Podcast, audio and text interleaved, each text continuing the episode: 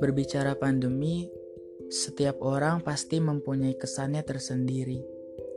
Pandemi yang saat ini terjadi menciptakan bekas di hati dan pikiran yang sebelumnya tidak pernah terbayangkan oleh kita semua.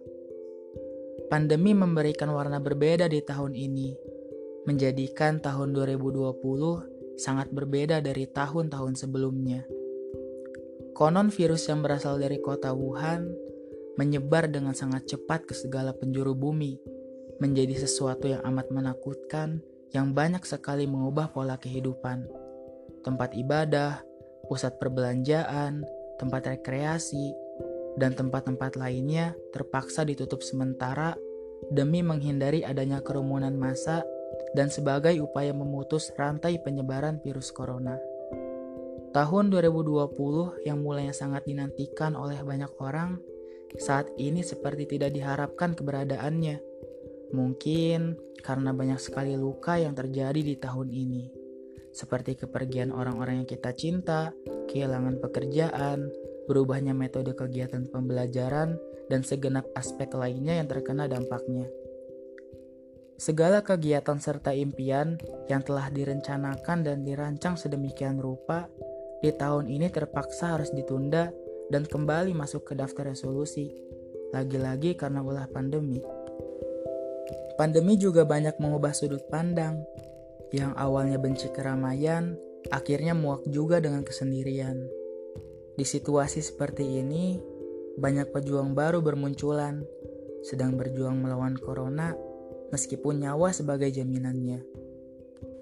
Pengorbanan bukan untuk dipermainkan, kawan mereka yang berada di garda terdepan sedang berusaha mati-matian melawan pandemi.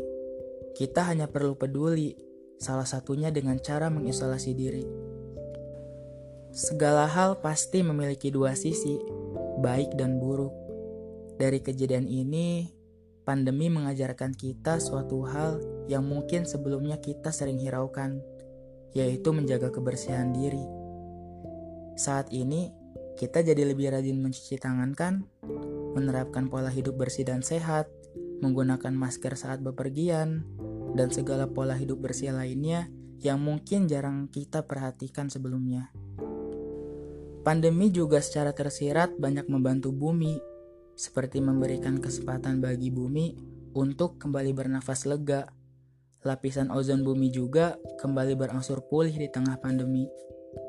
Semoga pandemi ini segera berakhir agar kita semua bisa melakukan aktivitas seperti sedia kala, bersua dengan kawan-kawan, pergi berkelana, ataupun melakukan aktivitas yang kita suka. Teruntuk aku, kamu, dan kita tetap di rumah saja ya, agar semua ini lekas kembali pulih seperti sedia kala. Aku mengerti, kita semua sedang dilanda rasa bosan, teramat bosan rasa jenuh yang sudah memenuhi isi kepala, kita semua sudah sangat tersiksa dengan keadaan seperti ini.